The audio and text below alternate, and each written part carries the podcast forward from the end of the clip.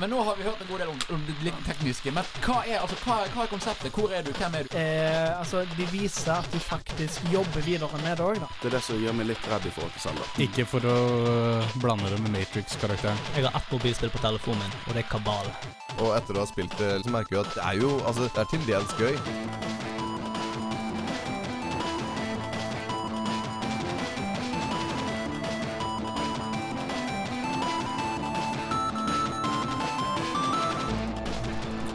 God morgen og hjertelig velkommen til Hardcore her på Studentradioen i Bergen. Det er tirsdag. Eh, eh, det er morgen. Vi er trøtte alle sammen. Men God eh, forklaring på det. da. Ja, ja, ja. det skal gå fint for det om. Med meg i studio i dag har jeg eh, Håkon og hey. Tallis. Alice. Er dere klare for en eh, god eh, sending? Selvfølgelig er Ja, vi det. altså, åpenbart. Ja, uh, fordi vi har faktisk en ganske god sending i dag. Ja, skal vi skal snakke om eh, Mass Effect Andromeda.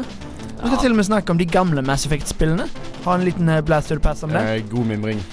Eh, jeg har prøvd det nye eh, The Elder Scroll-spillet. Det er faktisk et kortspill. Uh, Da ble jeg litt skuffet, for å være helt ærlig.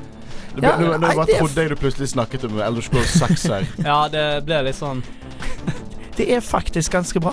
Det er det, ja. Ja, de, de har gjort en god jobb. Men da gleder jeg meg til å prate om det litt senere i sendingen. Ja. Eh, det gjør jeg jo. Snart skal vi ha litt eh, nyheter for dere. Eh, men aller først skal dere få høre Svalestup med alt du trenger. Du hører på en podkast fra Studentradioen i Bergen. Flere podkaster finner du på srib.no. Det var Svalestup med alt du trenger. Eh, nå er det tide på med nyheter.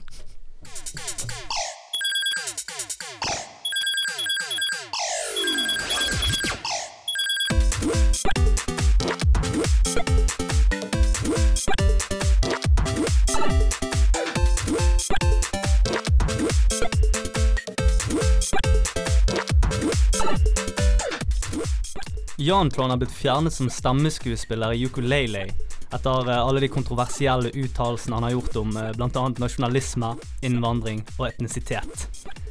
Playtonic, eh, av Ukulele, har vært veldig åpen rundt det og sier at det er helt klart pga. uttalelsene hans at de har valgt å gjøre det, og de står absolutt ikke for noe av det han har sagt.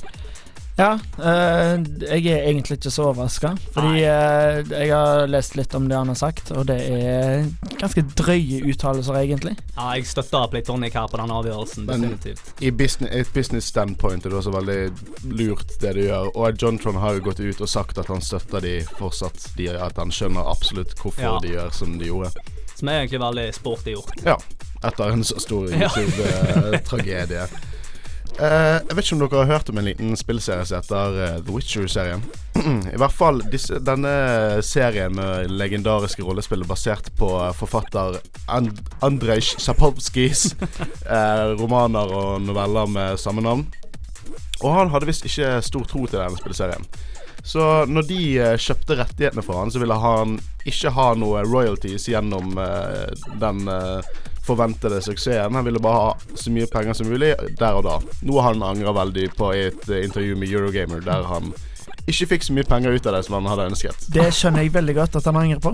Mest suksessfulle RPG-en noensinne. Ja, litt bittert. Men han var, han var, eh, han var veldig Han snakket om at han var veldig fornøyd med spillet, og at det var gode god adaptasjon av hans verk. Ja. Noen, noen sporty ting. Ja da. Jeg avslutter med en uh, litt gladnyhet for uh, Starcraft-fans, eller egentlig de som aldri har spilt Starcraft. Uh, fordi nå har Blizzard sagt at spillet fra to, uh, 1998 At eh, de skal revampe det, altså de skal gi ut en oppdatering. eh, der de fikser litt på gamle ting og alt mulig sånn.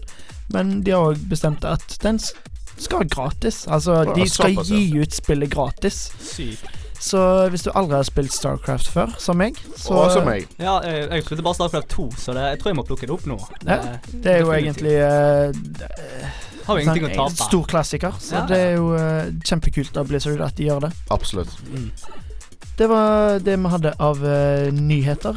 Uh, nå skal dere få høre ukas låt her på Studentradioen i Bergen, og det er Mats Wawa.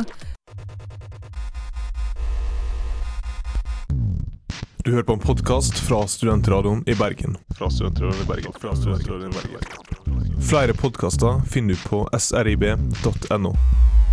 Det var Mats Vava med 'Smoke Underwater', for ikke forveksle med Deep Purple. en uh, annerledes versjon, men uh, ganske kul for det. Ja. Uh, for noen uker siden så kom det et uh, helt nytt spill. Altså et, Selda? Det òg, Ja, men uh, akkurat nå tenkte jeg på uh, uh, Horizon Zero Dawn, som det ligner jo litt på Zelda, kanskje? Ja, det, det er vel litt sant, ja. For det at uh, Horizon Zero Dawn, som er fantastisk, by the way, har liksom hentet uh, uh, så mye inspirasjon fra veldig mye forskjellige sp eh, spill, som Zelda, som Witcher, som eh, Monster Hunter, faktisk. Okay. Og gjort det sitt eget. Og dette er Guerrilla Games sitt nyeste spill, også kjent fra Killzone-serien, hvis dere har vært borti de. Og dette er på en måte en open world uh, action-RPG-ish. Det er litt sånn vanskelig å på en måte Adventure er vel nesten det eh, Adventure med rollespillelementer er vel me- mest riktig her. Jeg, Eh, jeg husker jeg så denne teaser-traileren og syntes det så dritfett ut. Eh, jeg var egentlig bare sånn skikkelig hyped helt til jeg fant ut at det bare kom ut på PlayStation. Så jeg er litt sånn her skuffet. Jeg har egentlig jeg har litt sånn spørsmål eh. Så sånn her Når du begynner i spillet, hva er det første du gjør, liksom? Det første du gjør når du begynner Ja. å eh, Det første du gjør Det skjer ikke så mye den første timen, kanskje. For det at du følger med denne hovedpersonen som heter Aloy. Uh, Ja. Det skal være en pønn på alloy som metall, liksom. liksom. okay. Ja, Men hun da, hun er en eh, outcast fra The Nora Tribe. Og hvis du er en outcast, så skal du bli uh, Ingen av stammene skal snakke med deg. Du får ikke lov til å snakke med de. De skal ikke gjøre noe for deg, eller du bare Du er kastet ut av stammen. ja. Men du som Aloy blir kastet ut av stammen når du er nyfødt. Uh, og du har ingen foreldre, men du har en fyr som heter Rost, altså en pønn på rust. ja. wow. Det er mye pønns på Ja. eh, metall.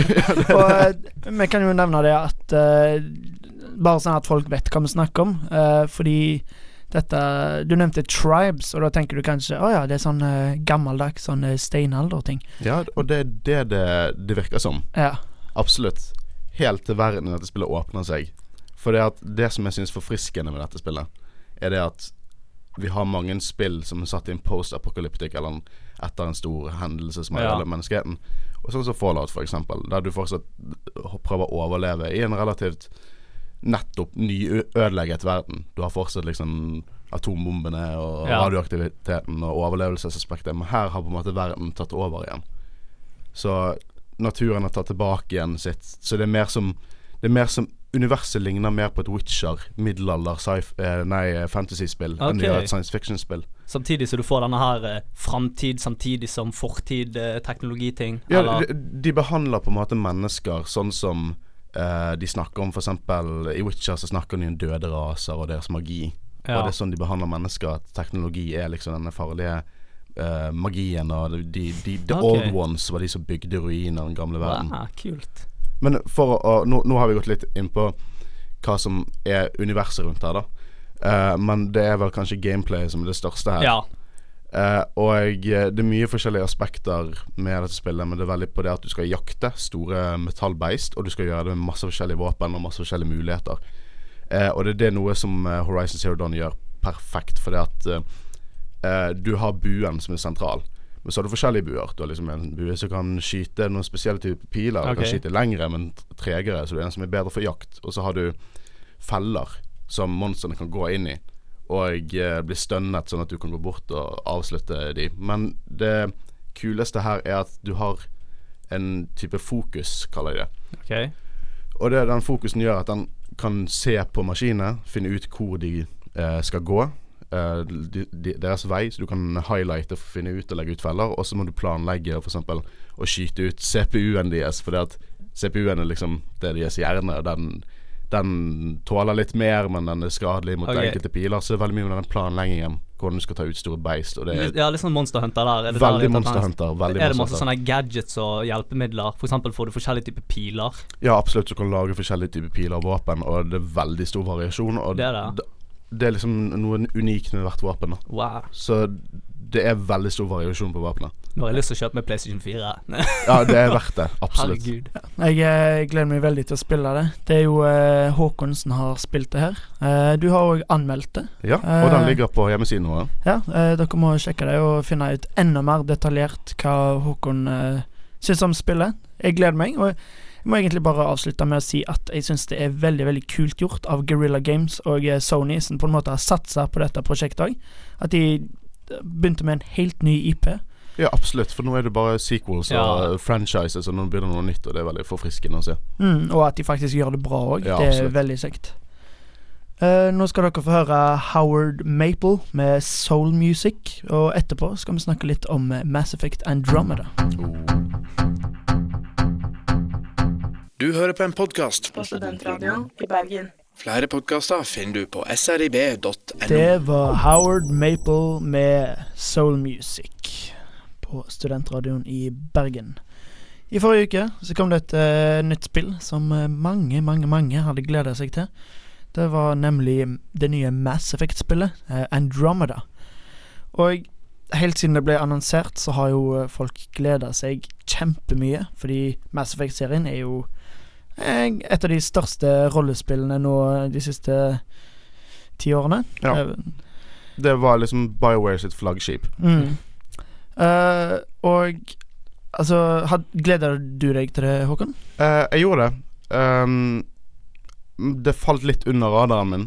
Uh, ikke på grunn For det har vært mye kontroverser som vi skal snakke om nå.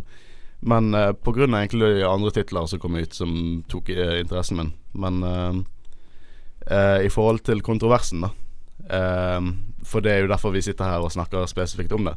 Uh, for at Mass Effect Andromeda hadde noen problemer, og det høres litt trivielt ut, egentlig. For det handler mest om animasjon, og selvfølgelig story, da. Eh, for det, det ser verre ut enn Mass Effect, de Ja. tidligere Mass Effect-spillene. Jeg fikk med meg det liksom på en måte nedgradert grafikken, som folk sier. Ja. Ja. Men og ikke bare grafikken òg.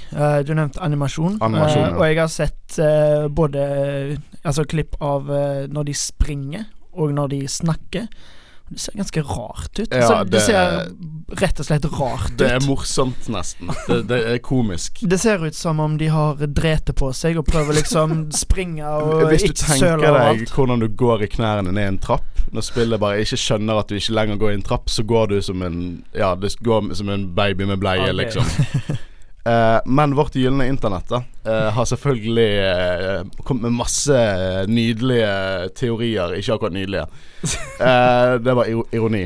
Men masse teorier om at i hvert fall animasjonene Nei, ikke ne, grafikken, grafikkting som folk har kritisert, er faktisk spesifikt designet sånn. Gjort som med vilje, liksom. ja, og dette her som jeg skal si nå er rett og slett feil, og BioWare bekreftet at det er feil. Eh, jeg skal ikke si navn, men eh, en av eh, Av damene som jobbet med BioWare da på dette spillet, ble antatt til å lede animasjonene og designet av karakterene i fjesene spesifikt. Og noen gamere har ment at BioWare har spesifikt animert kvinnene mindre attraktive enn mennene for å komme fram med et politisk beskjed om feminisme. Eh, og eh, BioWare har nettopp bekreftet at hun her jobbet ikke med de animasjonene. Så dette er bare feil. Dere har bare angrepet en tilfeldig kvinne. Og det er liksom ikke, det er ikke greit. De har bare twitret eh, at ja, du fikk bare jobb fordi at du er dame, og mye hat, Mm. rett og slett. Fantastiske internett. Ja, og denne her, eh, neste, da, er kanskje litt mer til å tenke over på, kanskje. Fordi at eh, en av de andre som har jobbet med dette spillet, eh, har uh, Han Denne personen er Jeg vet ikke hvordan jeg skal si dette diskré. Han er ikke så glad i hvite folk. Og han, eh, han er liksom ikke noe han, han tør å uttrykke dette her, da. Og da har det kommet også ut teorier om at i Mass Effect Andromeda kan du ikke være helt hvit. Fordi at han er litt rasistisk Ja. mot hvite folk. Det høres litt sånn uh, tinfoil hat uh, ut, dette her. Litt sånn konspirasjonsgreier. Ja, jeg vet ikke helt, jeg. Men hva Eh, skjedde med animasjonene? Altså, jeg eh, kom jo over en eh, annen artikkel som gikk litt sånn eh, Litt sånn teorier fra sånn toppanimatører i andre spill og sånt, da. som hadde liksom sittet en liten sånn Hva de tror er begrunnelsen. Og først og fremst så var det egentlig bare kvantiteten av spillet som på en måte tvang BioWare til å senke kvaliteten, om du skjønner. Så det var for stort, rett og slett? Ja, det var egentlig litt der. Uh, sånn så, eh, jeg husker ikke hva han heter nå, da, men det var en, eh, en sånn spe, spesifikk uh, fyr som ledet en sånn her animasjonsskole, som sa at uh, de, BioWare har brukt en sånn programvare som heter FaceFX, som de har brukt i tidligere spill òg. Som på en måte analyserer audio, eh, audio og lager animasjoner på bakgrunn av det, liksom. Så han gjør, liksom, eh, han gjør det automatisk ut ifra audioen. Så han, så han hører kanskje voice actingen som de skal si. Så hvis de skal si noe bare sånn her Hey, what's going on? Så registrerer denne programvaren det, og så prøver han å animere munnen til det ut ifra bølgelengdene på audioen. Ah, ja, så det er nesten sånn autocomplete? Ja, bare- ja, så det, jeg tenker kanskje de har brukt den her litt mer enn de burde, pga. kvantiteten. Ja, mm. det høres sånn ut nesten. Ja, nei, det er jo egentlig ganske synd. Uh, Ja. Fordi det jeg har lest, er at uh, Jeg har ikke spilt det selv, jeg håper jeg skal få spille det snart. Men uh, det jeg har lest, er at det er jo egentlig et Det kunne vært et bra spill, men de har ødelagt litt for seg sjøl. De har rett og slett skjøtt seg litt i foten med at de ikke gjorde det bra nok, rett og slett. Jeg får inntrykk av at det er et OK spill. Mm. Uh, det er bare litt vanskelig når du kommer etter uh, liksom Mass Effect-serien, og du er ikke like bra. For vi vil ikke ha Mass Effect eh, 0,5 nå, vi vil ha Mass Effect eh, ja, quote unquote 4. Mm.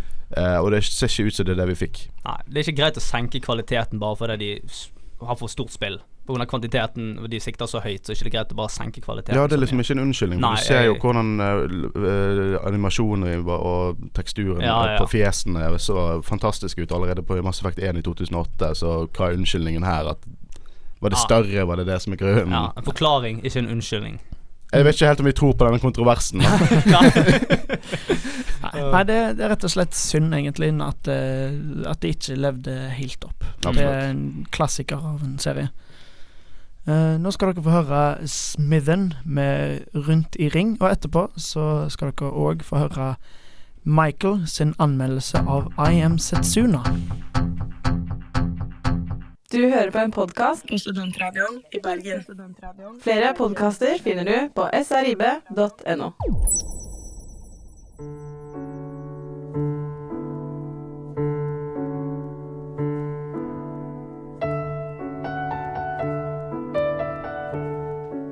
Da spillene som skulle komme ut ved Switch sin launch ble annonsert, ble nok en god del mennesker skuffet, meg inkludert. For de fleste virket det nok som at det bare kom til å være Zelda som ble bra.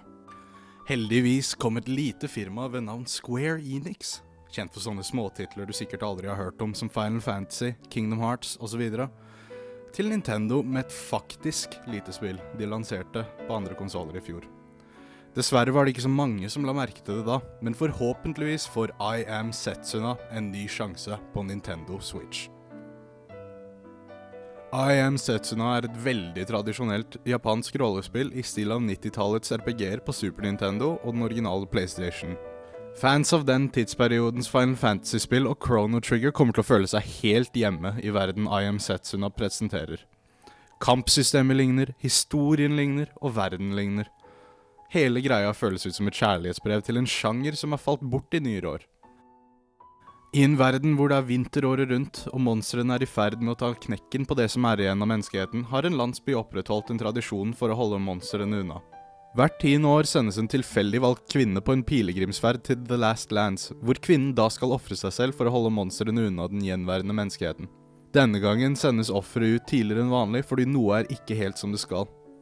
Spillerens rolle i historien er som leiesoldaten Endir, som først er sendt ut av et ukjent parti for å drepe offeret før offeret når målet sitt. Etter noen moralske dilemmaer blir du heller en del av følget til offeret, og skal hjelpe Setsuna, det nyeste offeret, med å komme seg frem til The Last Lands. Er det én veldig positiv ting jeg skal si om spillet, så er det historien, og spesielt karakterene.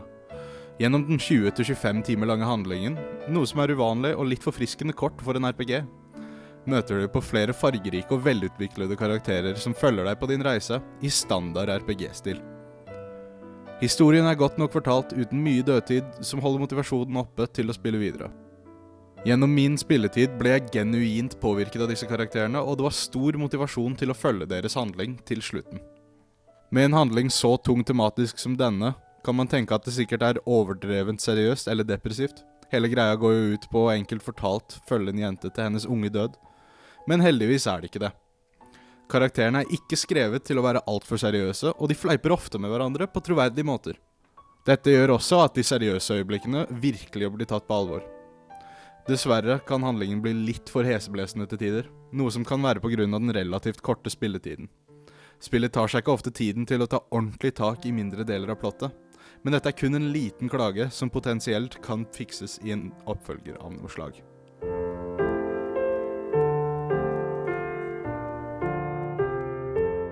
Det er dessverre ikke så mye å si om selve gameplayet til spillet. Den tiden du tilbringer vandrende rundt i verden er ikke spesielt merkverdig, men den er ikke dårlig heller.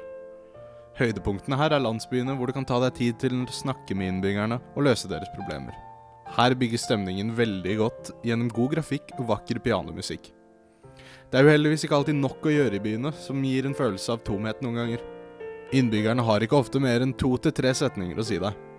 En liten klage jeg har oppå det, er at det er ofte veldig vanskelig å navigere seg i byen. En innbyggers hus ser helt likt ut på utsiden som en butikk hvor du kan kjøpe diverse items. Dette kunne lett ha fikses med noen skilt eller kanskje et kart for spilleren å bruke. Kampsystemet i spillet er lite merkverdig. Altså, det er ingenting direkte galt med det, men om du har spilt klassingerne, kommer du til å ha opplevd flere og bedre kamper i de spillene. Det var ikke ofte jeg måtte tenke gjennom strategien min, noe jeg virkelig savna. Selv bosser var ikke mye mer enn vanlige fiender med ekstra store health bars. Jeg følte meg aldri upreparert eller for svak til å klare å komme meg videre, noe som jeg kan si er positivt for handlingen, men negativt for de som ønsker å bli utfordret av å spille. I Am Setsuna er et godt lite spill som ikke krever så mye av spilleren, og tar deg med gjennom en flott verden med fantastiske karakterer. Det føles bare ut som noe mangler, noe som kunne gjort dette spillet virkelig spesielt. Slik som det er nå, synes jeg det er helt verdt å spille så lenge du ikke forventer noe fantastisk av det, og at du lar deg selv oppslukes av historien. Om du akkurat har blitt ferdig med Selda, synes jeg heller ikke dette er det verste du kunne kjøpt til Switchen din, men absolutt ikke det beste heller. Fordi på jakt etter en liten nostalgitur gjennom RPG-ens gullår, tror jeg dette spillet vil passe de veldig greit.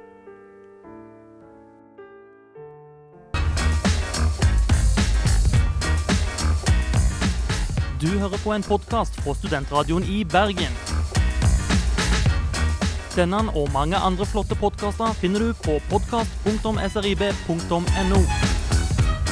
Det var Burning Motherfuckers med I'm Your Lion. Dere hører fortsatt på Hardcore her på Studentradioen. Det er fortsatt meg, Håvard, og Håkon og Tallis i studio. Nå er det tid for Blast to the Past. Wait a minute. Wait a minute, Doc. Uh, are you telling me that you built a time machine? Out of a DeLorean? Blast to the past. Radical. 16 biters grafikk. Joika. Sløy.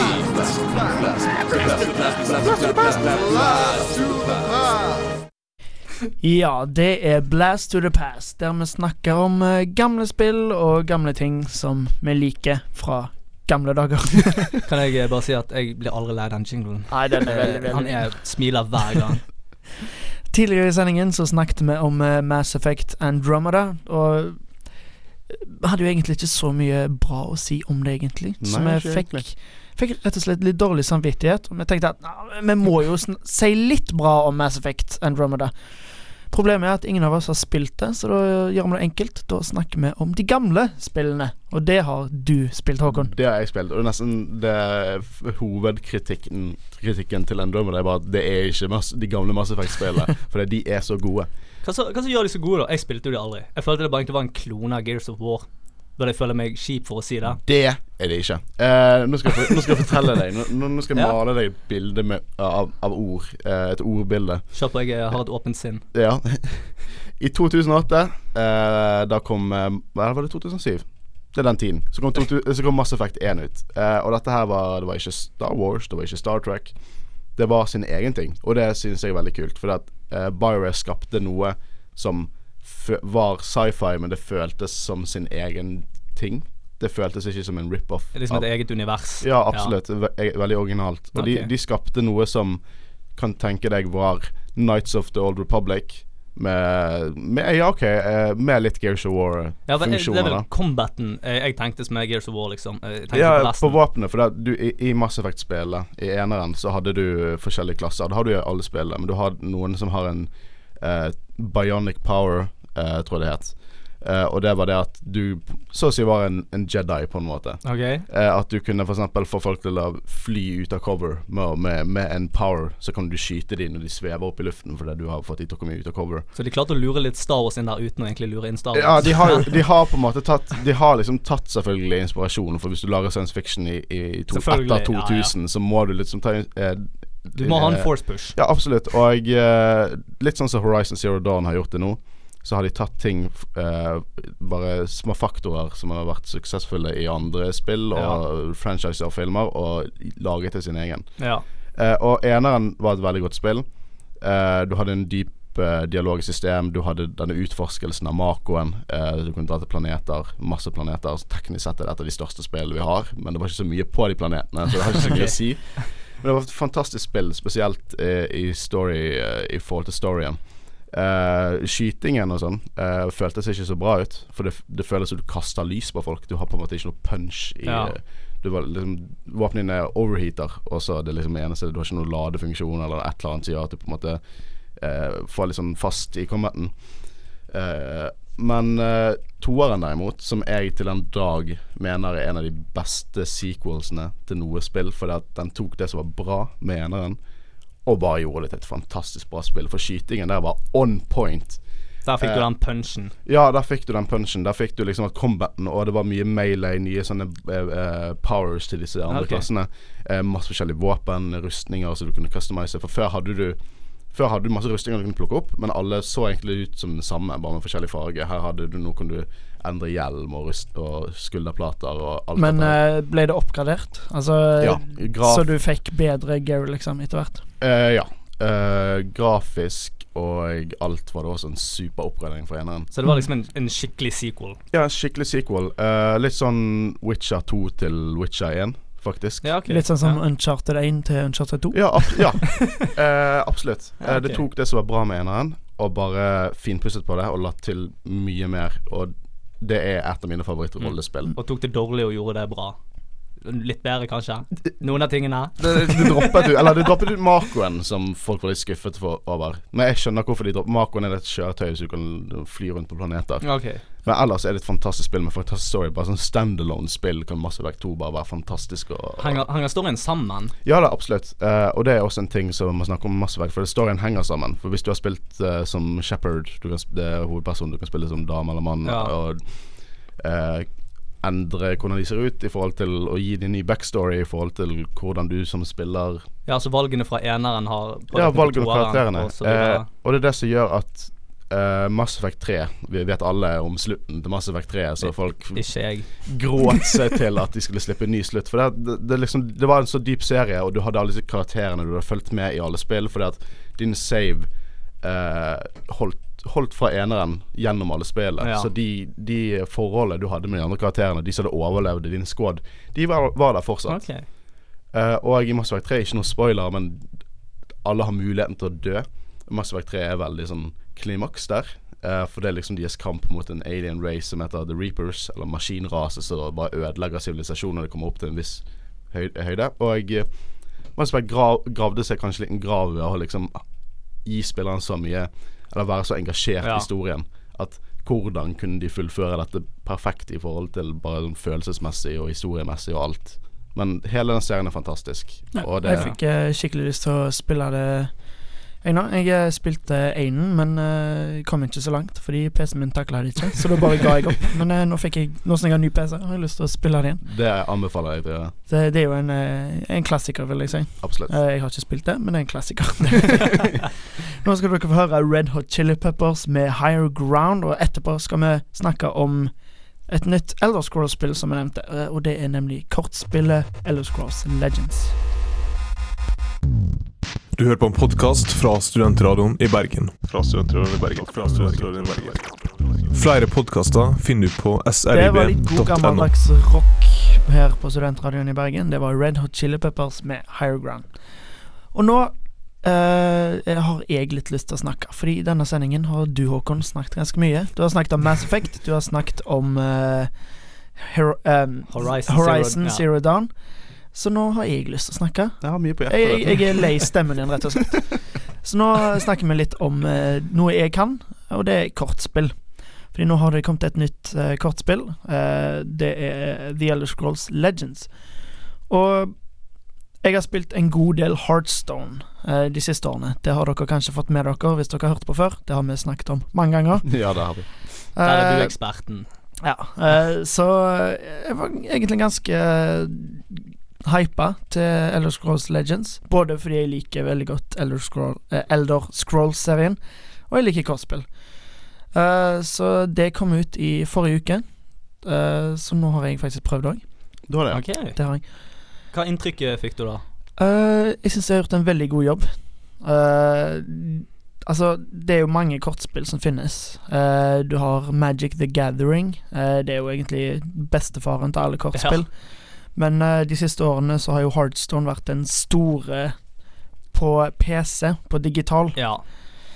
Eh, så det kan godt hende at Hardstone Heartstone har stjålet mye fra eh, Magic, men det vet jeg ikke, for jeg har aldri spilt det. Så derfor så sier jeg at uh, ting som Heartstone bruker, det har faktisk uh, Legends, altså Elder Scrolls, stjålet fra Heartstone. Ja. Men det kan hende at uh, de igjen stjal det fra Mag Magic. Men det er veldig mye som er likt. Uh, du har spells, du har minions, det bare heter andre ting.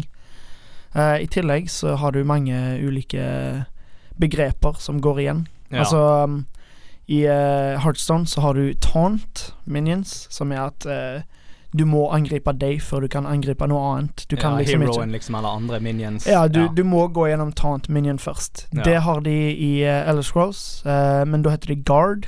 Ja. Men jeg, jeg føler den type kort går gjennom egentlig de fleste spill, som Shield eller uh, Ja. hva som helst. Uh, og du nevnte Shield. Uh, Ja. Heartstone har noe som heter Divine Shield, som Ja. er at eh, du eh, kan eh, Altså at hvis du angriper en minion med Divine Shield, så mister han ikke noe liv. Da mister han bare Divine Shield, og neste gang du Ja. angriper, da mister han Han blir på en måte immun da på ett angrep. Ja, Ja. Uh, og de har akkurat det samme i Elder Scrolls. Men hva er, hva er annerledes med Elder Scrolls? Hvorfor skal du velge Elder Scrolls Legends over Heartstone? Uh, de har gjort noe ganske kult, egentlig. Uh, fordi i Heartstone så har du liksom kun to sider. Eh, alle minionsene er på én linje på din side av brettet. Men eh, her har de noe som heter lanes.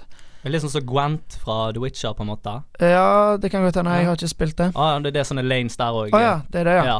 Ja, da er det ganske likt det. Uh, men de lanesene gjør at uh, du må angripe minions som er i samme lane. Du kan liksom Ja. ikke krysse over og angripe.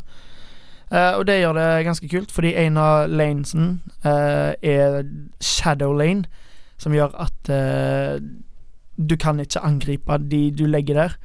Så da kan du liksom ta en Hvis du har en skikkelig stor minion, så kan du legge den der, og så kan de ikke angripe den før neste runde, da. Så da rekker du å angripe. Det er, det er en kul måte å hive inn noe nytt taktisk, en liten sånn twist på det. Ja, uh, fordi det er nettopp det du sa, at det er taktisk med det. Ja, ja. Eh, du kan liksom ikke bare hive det ut. Du må tenke litt Skal jeg legge den der, eller skal jeg legge? Er det sånn at visse kort kanskje får bonuser ut ifra hvilken lane de er i? Ja, uh, det er det òg. Ja, jeg tenkte, Det tenkte høres jeg ikke. litt ut som Gwent. Da Ja. virker altså det er litt Gwent eh, Men uh. Gwent har jo uh, eh, horisontale lanes. Er det horisontale eller vertikale? Eh, nå ble jeg usikker hva som men det Horisont. Ja. Ja, det, det er på en måte et, et kryss. OK, ja, Ja. ok, jeg skjønner. Men ja, så jeg syns de gjorde noe veldig eh, spesielt. Eh, jeg tror jeg kommer til å holde meg til Heartstone, rett og slett fordi jeg har brukt så mye penger på det, og jeg er ikke klar og har ikke råd til å bruke like mye penger til et nytt kortspill. Og i sånne spill så må du liksom ha en stor Uh, kort Ja, collection. Du må følge med hele veien og ha de nyeste kortene for å egentlig kunne holde tett med de andre. Ja, så uh, Men jeg, jeg lurte på en ting òg der. eh, har de disse animasjonene som de har i Heart- Heartstone? Uh, nei, det ser litt simplere ut. Ja, okay. uh, så det føltes litt rart ut i Ja. begynnelsen, uh, fordi eh, Heartstone gjør det så bra. Ja, men, det, du eh, får feel, liksom. Det er akkurat så Eller skjermen rister og sånt når du slår, og det er Ja, ganske kult. det har de ikke. Da er liksom eh, I Heartstone, så når du spiller et kort, så blir det på en måte rundt. En runding på eh, brettet, men her ser du faktisk kortet. Ok, det er firkantet. så eh, det ser litt annerledes ut, men eh, jeg fikk et veldig bra inntrykk, så jeg kommer nok til å spille det litt, uh, men veldig, veldig casual. Vanskelig å ta troen for Heartstone i den sjangeren. Ja, Det er det absolutt. Ja, i hvert fall nå. Så uh, hvis dere liker kortspill og Elder Scrolls, så må dere bare prøve det. Det er gratis på eh, PC og iPad, og så kommer det til andre ting senere. Nå skal dere få høre uh, Svalestup med alt du trenger. Du hører på en podkast På Studentradioen i Bergen. Flere podkaster finner du på srib.no. Hva kommer i dag? Hva kommer i morgen? Hva kommer på torsdag? Hva kommer på fredag? Hva kommer på lørdag? Hva kommer på søndag? Hva kommer på mandag? Men ikke hva kommer på neste tirsdag. Yes, Vi skal snakke om hva som kommer ut denne uken. Eh, og først opp 28. mars i dag, altså, er det expansion packen til Dark Souls 3, The Ringed City, som kommer til PlayStation 4, Windows og Xbox One. Så det blir interessant å se om eh, de klarer å ha det samme nivået som de har hatt på andre expansion packs, for de har laget veldig gode i, før i tiden. Og på torsdag 30. mars kommer Thimbleweed Park ut på Mac, Windows, Linux og Xbox One. Sånn her point and click game. Litt sånn som Monkey Island, retro. Hvis du har spilt det, da, så Mm, og det er lagt av eh, de som lagde klassikeren eh, Maniac Mansion, som kom ut eh, på LucasArts uh, på 90-tallet. Eh, det er jo en, en klassiker uh, innenfor uh, point and click, og det var forløperen til Day of the Tentacle, som er en enda større klassiker igjen. Så hvis du er fan av point and click, så burde du definitivt sjekke opp i Thimbleweed Park. Så veldig kult ut. 31. mars så kommer Kingdom Hearts HD 1,5 pluss 2,5 remix. Lang tittel for uh, et spill, men det er jo en HD-remake av de gamle Kingdom Hearts-spillene. Mm. Det, det kom ut til PlayStation 4, så det er jo eh, Det var vel PlayStation 2 det var på originalt, var det ikke? Jo, det var det. Det stemmer. Så de gjør vel eh, klart til eh, den neste spillet i serien som kommer, som mange gleder seg til. Som Jeg har aldri spilt noen av de. Hele serien har i hvert fall gjort meg veldig sånn forvirret. Så, ja, jeg skjønner egentlig ikke bæret hva det går i. Eneren var kul, men du skjønner egentlig ingenting. Ja, Kanskje jeg skal kjøpe dette og prøve det og få litt inntrykk av hva det går i. Jeg ville gjort det. Jeg elsker Kingdom Hearts 1 i hvert fall. Det er dritkult. Ja, det bringer tilbake minner, det. Mm. Ja, det var egentlig eh, det vi hadde i dag. Vi har snakket eh, om litt forskjellig, både Mass Effect og Horizon Zero Dawn. Snakket litt om eh, kortspill og The Elder Scrolls Legends og Internettdrama og Ja, masse kontroversielle ting. Tror det har vært en fin sending. Håper dere der hjemme har kost dere. Det har i Eh, hvert fall vi. Ja, jeg vil eh, takke dere der hjemme. Jeg vil takke dere to, Håkon og Tallis. Vi vil selvfølgelig takke deg, Håvard. Så Takk. klart. eh, når vi først takker, så vil jeg òg takke vår kjære produsent Erlend. Gjør en super jobb. Eh, hører på oss hver gang vi har sending og gir oss tilbakemeldinger og gjør en strålende jobb. Takk Ja, for det. Absolutt. Så da gjenstår det egentlig bare å si ha det bra. Og så må dere sjekke oss ut på eh, Facebook. Det, det heter, vi heter bare Hardcore der. Sjekk oss ut på srib.no slash hardcore. Les anmeldelsen til Håkon av Her, uh, Horizon Zero Dawn. Uh, så da snakkes vi i neste uke. Ha det. Ha det bra. Ha det bra.